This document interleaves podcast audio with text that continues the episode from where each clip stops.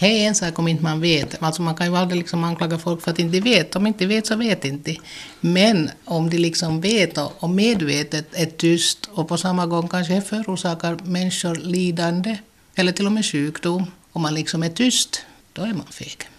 Nu är det som Marina säger att vi på den här branschen tycker jag är ansvariga för att om vi ser att någonting inte funkar så måste vi nog säga, vi måste reagera. Inte ska vi göra saker som de alltid inte har varit gjort. Bara för det där att, att det skulle vara bekvämare.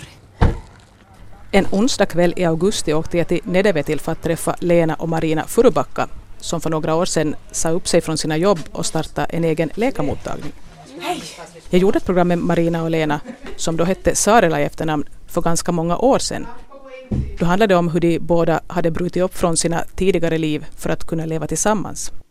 På senare tid har jag bland annat via Facebook kunnat notera att Lena och Marina verkar ha en mycket öppen inställning till nya tankar och idéer och att de ofta ifrågasätter sånt som anses vara vedertagna sanningar. Jo, det har jag inte gjort på länge, men mjölk använder Vi slår oss ner vid kaffebordet och försöker komma ihåg vilket år jag var och intervjuade dem förra gången. Vi kommer på att det måste ha varit år 2001. Precis, ja. Men då är det bara att börja på då. Berätta vem du är. Marina Furubacka, bor i Nedevetil, gift med. Lena Furubacka och likväl förstås bor i Nedevetil. Det var i januari år 2006 som Lena och Marina startade sin läkarmottagning. Jag ber dem berätta hur det kom sig att de gjorde det just då. Det var säkert en av de där många situationer då vi har lagt helt om i livet. Det är nästan rutin nu som då. Nu hade vi båda i arbete, arbete, dåvarande arbete en sån situation att man kände sig lite frustrerad. Att I mitt arbete var det kanske mest det att det styrdes till en riktning som inte jag kunde finna mig i. Och jag borde ha varit med och leda. Lena var på den tiden ledande läkare på hälsovårdscentralen i Kronoby. Praktiska arbete och arbetskamrater var det inte något fel på, men det är den andra delen. Marina, hur var det med dig? Jag arbetar som på SETA. SETA är alltså Föreningen för sexuellt likaberättigande och under några år i början av 2000-talet hade SETA en verksamhetspunkt i Kronoby. Och jag tyckte att jag började liksom få noa, noa sätta på det sättet att det var allt för Helsingfors koncentrerat. Att allting skulle hända i Helsingfors. Jag liksom helt enkelt tröttnade på att slåss för att både för svenska och för Österbotten. Så, så när Lena också liksom tröttnade på sitt så började vi fundera på att vad ska vi göra nu då i fortsättningen. Och i och med att jag då arbetade på HVC tidigare på läkarmottagningen inom hemsjukvården så var det ju ganska naturligt då att, att vi startar eget och får göra som vi vill. Ja, åtminstone har det varit jätteroligt. Nu var det arbete ganska mycket på förhand och en hel massa byråkrati och allt möjligt annat. Och sen bli varm i kläderna och ännu mera kanske det här att vänja sig vid att man inte är på hälsocentralen. vi kan själv liksom styr vår dag och vi kan ge åt patienterna den tid de behöver. På HVC så är det ju alltid de här kort, korta, snabba tider vanligtvis, att det är väldigt sällan de har tid för längre. Man ska helst själv veta vad man har för fel och vad de ska göra. Ja, egentligen tycker inte det är många läkare som inte tycker om att man vet själv vad man har för fel. Jag tycker det är lätt när folk vet vad de har för fel. Det är det som torde skilja den här branschen av veterinärens arbete, att man måste ju faktiskt kunna lyssna på patienten. De berättar det mesta. Om man lyssnar. Om man lyssnar. Om man har tid att lyssna. Och ni har? Åtminstone Vi vill vi. Marina som tar tidsbeställningar vet nog, hon frågar i telefonen redan så hon vet ungefär hur länge det kan ta. Så vi har den tiden och här finns ingen chans på HVC med läkararbetskraft idag.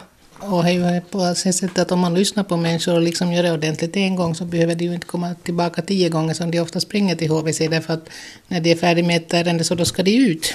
Och så kanske de hamnar till en annan läkare nästa gång. Ja, och sen måste man ju komma ihåg att oberoende vad du har fel eller vilket fel du har så allting hör ju ihop. Att du kan ju inte plocka ut en sjukdom från en annan sjukdom eller en livskris eller någonting utan människan är ju en helhet och ska skötas som en helhet. För att allting hör ihop jätte, jättestarkt. Och allting är inte heller bara kropp. Utan vi har ju också annat än kroppen som kan må dåligt och de hör ihop.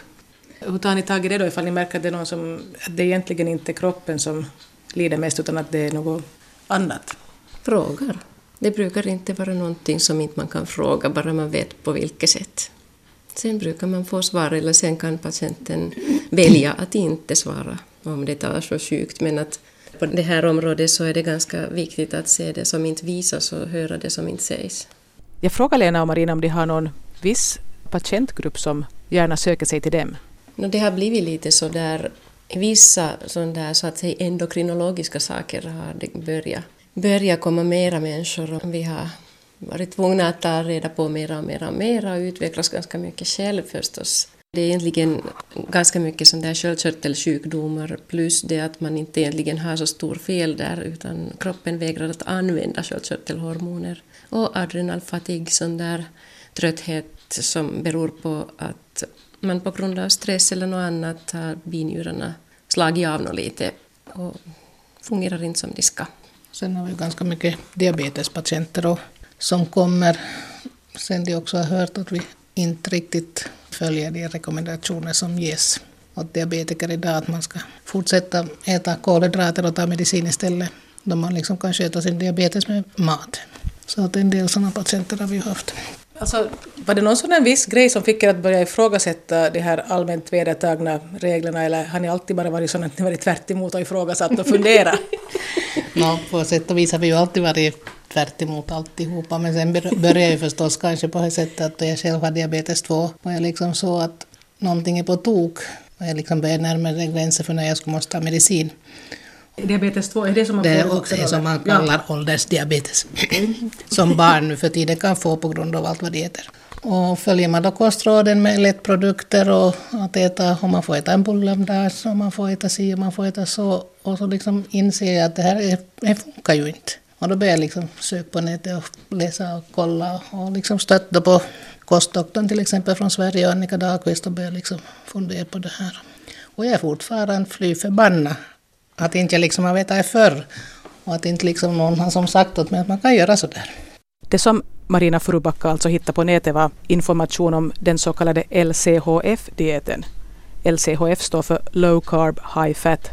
Att man äter lite kolhydrater och mycket fett och uttryckligen naturligt fett från mjölk, ost, smör, kött, fisk och sånt. En av förespråkarna för den här dieten som egentligen inte är en diet utan en omställning av matvanorna, är den rikssvenska läkaren Annika Dahlqvist, som har fått mycket mothugg från officiellt håll för att hon har gett rekommendationer som står i strid med de officiella, just när det gäller hur man ska sköta diabetes. Det har varit en period med väldigt intensiv medicinutveckling när man har kommit till det att det finns så bra mediciner att en diabetiker kan vara som alla andra. Alltså att man får äta helt fel med tanke på diabetes och ta mediciner. Att dessa dagar rekommendationer är ganska tokiga egentligen. Är det så att man inte egentligen då förväntas ifrågasätta de råd som finns när man jobbar då inom just på någon hälsocentral och sådär, att man, man följer det som står och man ska inte liksom börja fundera allt för mycket? Det är lite hektiskt. Man börjar inte läsa annat än de där korta, korta meddelandena som ofta är mer eller mindre författade ihop av läkemedelsindustrin bland annat. Alltså allt det här handlar ju egentligen om pengar. Någon vill förtjäna på folks dumhet. Eller folks lathet. Eller folks... Det här att inte man orkar ifrågasätta. Utan man bara lyder, lyder blint för att det är enklast så. Och är någon som gör massor med pengar på oss. Och det är där som problemet sitter. Och folk vågar inte och vill inte ifrågasätta. Men det är ju det där att nu om vi har privat så har vi också den möjligheten och tiden och energin att kolla lite just undersökning, forskning, vad som man har velat nå med det där, vad de fick fram på riktigt. Man liksom inser mer och mer att man har mer eller mindre, som vi säger, blivit pissad i ögonen av, av läkemedelsindustrin, att det är ju så vinklat de här forskningsresultaten att de får ju det resultat som de vill ha och är det som de liksom säljer sin medicin med. Mm. Och då blir man förbannad. No, det är det som handlar om att egentligen ljuger man ju inte. För att om du tar flera tusen människor och två av dem dör av någon sjukdom. Sen får de medicin och efter en tid en av dem dör. Så det är klart att det är 50 procents förbättring. Ja, och den procenten är ju egentligen 0, någonting, 0, 0, någonting. Så det finns ganska mycket sånt där. Eftersom jag är vän på Facebook med Lena och Marina så har jag märkt att de ofta informerar om just de här sakerna som de själva har tagit reda på mycket om. För en knapp vecka sedan till exempel hade de satt ut en länk till det finskspråkiga programmet A-talk där man ifrågasatte det att smöret skulle vara så skadligt för hälsan som man har påstått i flera decennier. Jag tycker att egentligen är det väl varje människas skyldighet att om man liksom vet någonting, har fått reda på någonting som andra skulle må bra av att veta så är man skyldig att informera. Man kan ju aldrig liksom tvinga på någon annan vad man tycker eller tror, men att åtminstone har de ju rätt att få veta vad som pågår. Sen är det upp till dem själva om de vill ta till sig. Nu tror jag att det är ganska många av mina kollegor som ifrågasätter ganska kraftigt bland annat det här förebyggande evinnerliga kolesterolmedicin och allt sånt där, men att det bara sägs inte högt om inte verkar så att det tåls. Men på samma gång så tycker jag ju att det är väldigt fegt att inte man vågar säga det som man egentligen vet. Att det för att liksom ha det bekvämt så är man tyst. Det tycker jag är fegt. Ja, men ni kanske är tuffare än många andra för att ni redan har tagit fighten med det här konventionella samhället genom att ni valde varandra istället för att fortsätta att lådas någonting. Så ni är vana att stå för vad ni tycker och tänker, men andra kanske inte har kommit så långt än att de vågar öppet alltså, säga vad de tycker om någonting. Det är en sak om inte man vet. Alltså man kan ju aldrig liksom anklaga folk för att inte vet. Om inte vet så vet inte. Men om de liksom vet och medvetet är tyst och på samma gång kanske förorsakar människor lidande eller till och med sjukdom. Om man liksom är tyst, då är man feg. Nu är det som Marina säger att vi på den här branschen tycker jag är ansvariga för att om vi ser att någonting inte funkar så måste vi nog säga, vi måste reagera. Inte ska vi göra saker som de alltid inte har varit gjort. Eller blivit gjorda bara för det där att, att det skulle vara bekvämare.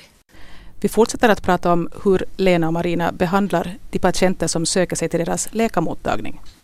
Det är sist och slutligen är det plus minus noll oberoende på vilket sätt du sköter symptomen om inte du sköter orsaken att då är det liksom vad, vad som är bättre eller tryggare medicin och så vidare. Så det gör ingen skillnad om inte man tar itu med varför man överhuvudtaget mår som man gör.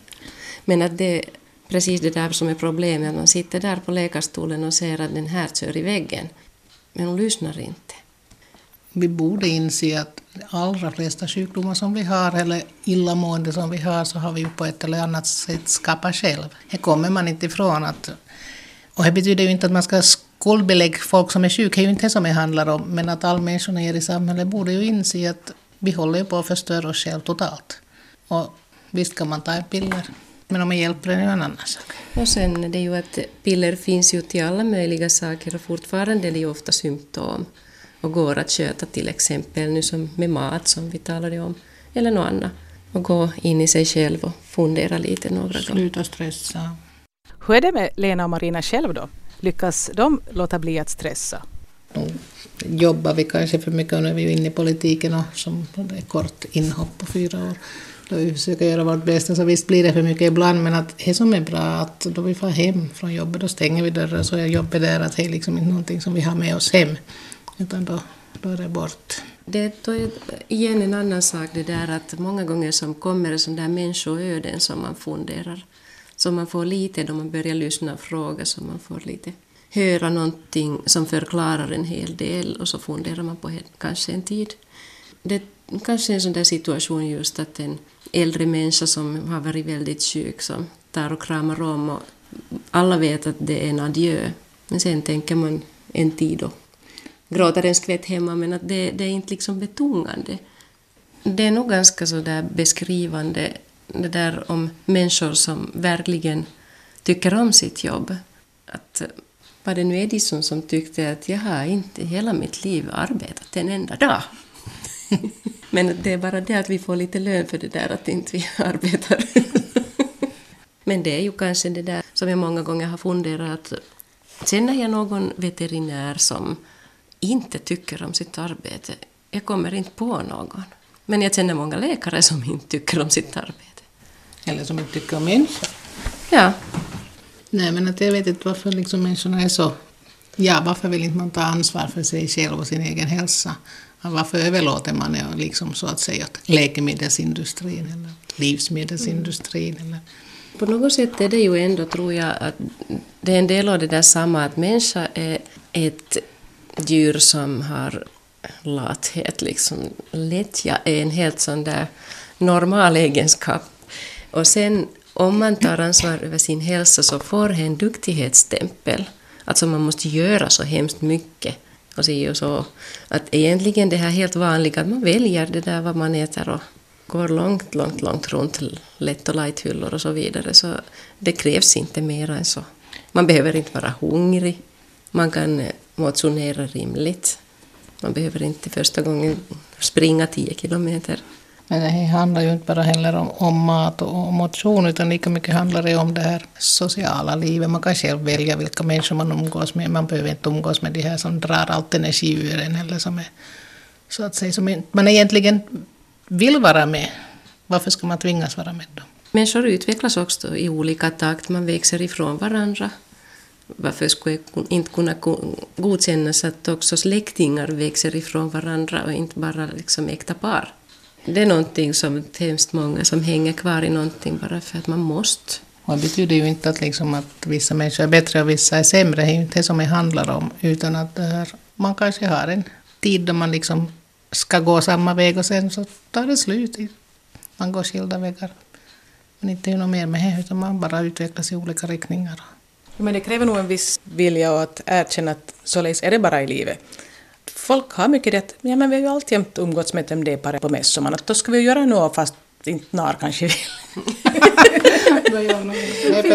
ja, och en annan sak som man liksom reagerar på är ju det här och det är nog vanligtvis de kvinnor som ska uppoffra sig till det sista för liksom gubben och gubbens släkte och städa och byta gardiner och hela det här köret. Vill man, tycker man om det och man liksom mår bra och är glad och så okej, okay, då är det ju liksom som det ska vara. Men att just det här jävla martyrskapet, om man inte vågar ta det här steget och säga att nej, nu tänker inte jag göra det här i år.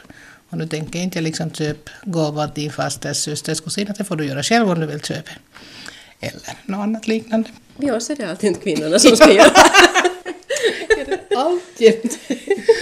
Det finns inte några andra karlar än Frasse. Nej men det är nog att det egentligen farliga frågor är sådana där att fråga människorna runt omkring om de är lyckliga eller inte. Varför är man kvar i någonting som man mår hemskt dåligt med? Men det är just det där att ta ansvar över sin egen målsätt. Man, man är rädd för förändringar. Man vågar inte göra det som skulle vara ganska avgörande. Och speciellt om man tänker på de här då som har de här barnen som flyger ut ur boet senast, då brukar det komma det här att har man inte talat med varandra förr så kan det vara lite väl sent att börja. Och då brukar det komma kriser. Vi står ju på ett tröskel vi åt, båda ja. Hur ska ni hitta till prata med varandra nu då? Ja, ja, det var nog säkert skilsmässa. Nej men alla så kallade terapeuter och psykologer talar om att det är så viktigt med egen tid. Men jag tycker vi har varit och har åsikter att det skulle vara betydligt viktigare att säga åt par att de skulle tillbringa lite mer tid tillsammans. Mm. Och inte hela tiden vara på olika håll. Vad liksom bygger du upp för gemensamt? Om du har olika arbeten, du har olika fritidsintressen. Men ni har ju inte problem med heller att ni skulle ha, ha olika arbeten. det hade vi ju egentligen var det inget problem det heller, men att nu trivs jag så här för tillfället. En sak som Lena och Marina verkar ha gemensamt är en öppenhet inför nya idéer och nya tankar och en vilja att lära sig mera och utvecklas. Säkert har vi haft kanske sådana perioder då man inte heller har tagit in men att nu tycker jag att vi kanske har kommit så långt att vi åtminstone kan lyssna och se och sen måste man ta ställning själv. Men man liksom stänger inte öronen och ögonen direkt och det kommer något nytt. Och på grund av den här öppenheten är det inte heller negativt inställda till så kallade alternativa behandlingsformer. Det är faktiskt ingen skillnad på vilket sätt patienten blir bättre. Det är liksom jätteviktigt skulle det vara att samarbeta med det här, till exempel naturmedicin, använda kanske healing, någonting sånt. Man kan lyssna vad som finns där, vad verkar vara seriöst och vad man kan liksom hjälpa någon med. Åtminstone så mycket att man, liksom, att man ger ett sånt ska säga, intryck så att patienterna vågar berätta vad de har gjort hittills och vad de har för till exempel alternativa vårdformer som de har provat har funkat för dem. Men att väldigt många är ju ännu kanske att de vågar inte berätta vad de har gjort. För att de tycker alltså, tror att man blir skrattad och man kommer till mottagningen och säger att, att jag fick healing igår och jag tyckte att det var bra. Att, det finns så mycket andra former som inte ännu är känd här. Som folk kanske inte vågar berätta om att de har provat. Och som skulle vara viktigt för vården för att just det här helheten Lena och Marina har berättat för mig att de i fjol i juni var på en healingkurs och den som höll kursen var amerikanen Eric Pearl. Så jag frågade hur det kom sig att de gick på den kursen. Intresse har funnits nog länge på det där funnits, ja. sättet. För att man märker ju som det här vanliga arbetet, det där att det här som människor i vården har alltid gjort, man tar i en annan människa, berör, säger det blir nog bra. Och på något sätt blir det ju bra om man blir lyssnad. Det, det finns någonting i det där ändå som är något annat än piller eller något sånt där helt konkreta åtgärder. Vi ska inte vara, begränsa oss till det där. Först läste vi väl ganska mycket, sen har jag en bror i Sverige som, om man ringde det sen dess, men jag kommer inte ihåg, men i alla fall att läsa det här Erik Bös bok. Och den här boken heter på svenska Väck din inre healer. Och då läste jag och så känns det liksom att, att här är någonting som känns bra. Att det liksom känns ganska äkta och det har inte någonting med religion att göra, det har inte någonting med en massa konstigheter runt omkring utan det är liksom bara den här människan och energin. Så läste jag, så läste Lena och så var den här, min bror var då på samma kursen då i Stockholm i Sverige och berättade om mig och tyckte att det hade varit så bra. Och tyckte att vi skulle fara. Det är liksom nog värt det. Lite nyfikna var vi nog. Ja, så börjar vi fundera. Men att kommer nu någon från Amerika och håller kurs så är det klart att det kostar ju en del. Och, och ska vi fara båda två på en kurs så det är klart att det är fråga om pengar och det liksom, har vi nu möjlighet. Och, så kom vi till att no, okej i så fall att vi ska fara så då liksom hittade sig en lösning på det här. Så köpte jag ju en Casino-lott någon gång så vann jag ju då så att det räcker till det här ena kursen. Och så då klarar vi av det andra delen. Så att, tänkte vi att no, okej, att universums svar kom på det sättet och så får vi på kurs. Ja, och sen dessutom var det hutlöst roligt Ja, åter en gång. det var rena rama show. Det var skoj, det var show, det var att leka med energin, att känna och se vad som händer. Och nu händer ju saker som är lite svåra att förklara med en sorts masspsykoser eller sånt där, att hur skeptisk man än är. Men det var intressant, det var faktiskt det. Sen Vi började vi ju leka, 300. leka sen efteråt också lite. Det var första gången i Finland, över 300 var vi på. Så det var inte någon liksom liten kurs för ett fåtal konstiga människor, utan det var faktiskt, Det var 300 helt eh, Vanliga människor. vanliga människor som som det finns någon som vanliga människor. Mm. Verkar vara helt vettig folk. Och ni kunde använda er av det här då, vad ni lärde er där. Ja, no. Direkt och indirekt. Det är liksom sådär att sådana där funderingar som healing och kanske till och med distanshealing, så det har blivit till och med forskat i ganska mycket nyligen. Man kan ju mäta vissa fenomen med EEG i hjärnkurvorna. På Facebook la jag in en länk igår till en som det, där det har blivit liksom testade Adam, den här healern i Amerika, där de hade liksom gjort en sån distanshealing och där de samtidigt mätte det här så att det liksom finns nog för de som vill ha bevis, vetenskapliga undersökningar. För mig spelar inte någon roll. Vi ska inte inte vara så stora på oss. Att, jag menar att men, hur människor är byggda så vi har begränsningar, vi ser inte ens för guds skull varandra. Så hur i världen skulle vi kunna vara så säkra att vi ska inte tro på någonting som inte vi kan se. För försök någon förklara åt mig det att jag kan prata på Skype med våra barn från andra sidan jorden då de är på resa. Och det som de säger når mig på samma stund som de säger det. Påstår någon att det far via en satellit och det är någon sorts vågor. Men jag ser ju inte dem. Men det Alltså funkar. vågorna. Men det Vågorna, jag Men jag barnen ser vi. Barnen ser vi, men inte de där vågorna. Nej. Och hur vet de vågorna vilken dator de ska till och hur kommer ljudet dit också till detsamma? Och, och det här är bara en slags vågor, inte det är mera invecklat än så. Det är bara det där att när man lyckas mäta sådana saker så det är tidsfrågan och tror jag att det någon dag lyckas det också. Men att allt som oberoende tror vi eller inte allt gott som vi kan göra för varandra är väl värdefullt. Som sagt, så här finns väldigt mycket i denna värld som inte vi förstår, som inte vi ens behöver förstå. Men att om vi liksom gör det, att vi har goda avsikter, att vi vill människor väl, så då behöver vi inte kunna förklara precis allting till punkt och pricka. Orsaken är att man liksom har öppna ögon och vågar se sig omkring vad som finns. För ett tag sedan startade Lena och Marina en diskussionsgrupp på Facebook. Den heter Livsviktiga frågor och där kan man diskutera ämnen som andlighet, kostråd, alternativa vårdformer och de frågar sig också om det kanske är på det sättet att vi inte lever bara en gång. Är det här då någonting som de nyligen har kommit att tänka på eller har de alltid varit på den linjen att de tror på reinkarnation? inte alltid har vi inte varit på någon linje överhuvudtaget. vi ändras och utvecklas förhoppningsvis hela tiden, men det är just det där att det är så hemskt mycket saker som helt sådär på yta och ytligt som man börjar fundera varför det är si och varför det är så. Det är ju intressant. Det finns de här berättelserna om, läst vissa böcker och just om väldigt skeptisk psykiater som hade hypnoterapi och stötte på en sån där lilla, liten problem. Då han började ge terapi, ingenting hjälpte, så hade han liksom en hypnos åt en dam och sen till sist och frågade på något sätt by mistake inte att vad hände i din barndom som kan förorsaka det här, utan när började dina problem? Och hon började tala någonting om något helt annan årtusende så jag kunde inte annat än sitta och lyssna och vara skeptisk fortfarande och undra att vad händer nu då? Och börja så småningom forska i det här. Och vi vet inte allting, det är nog bara så. Men jag tycker det är väldigt intressanta tankar att liksom, det är liksom, det är befriande att våga tänka lite mer än vad som är sagt att man måste göra. Speciellt om man börjar förstå att det här till exempel med andlighet har ingenting med religion att göra. Utan egentligen är det bara en liten uttryck. Det är inte absolut nödvändigt att vara andlig om man är jättereligiös. För det mesta är man kanske... På något sätt finns det en viss begränsning då också i tankesättet.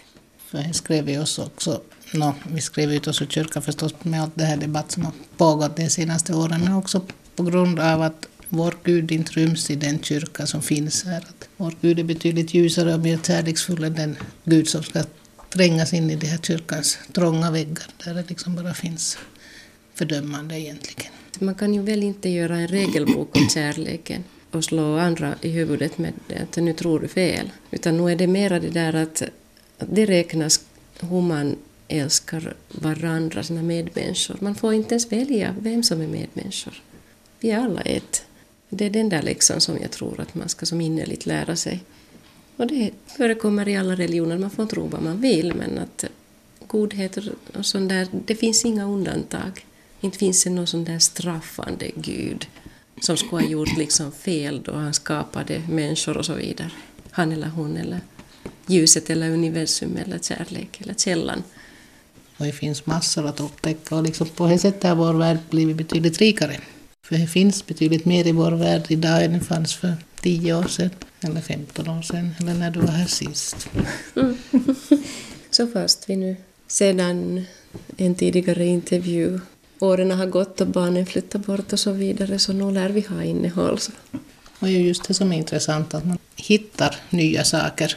Och man hittar ju nya saker om man vågar se och vågar lyssna och vågar känna efter att är det här rätt eller fel, hur känns det för mig? För det är ju allting som man ser och hör bra för just oss eller bra för just mig. Man måste ju själv, själv veta vad som känns rätt. Ja, och sen är det ju ingen människa felfri och ingen erfarenhet är fel, felfri. Stigen som man tar några steg på så då kan ju vara fel. Att sen lär man sig någonting och misstaget, det är ju inte farligare än så. Så vänder man om och så tar man en ny stig. Ibland blir man ju lite frustrerad i och med att folk inte vågar se och inte vågar vara öppna. Utan det är så in, in i det här normer och ramar som de behöver, tror de, för att känna sig trygga.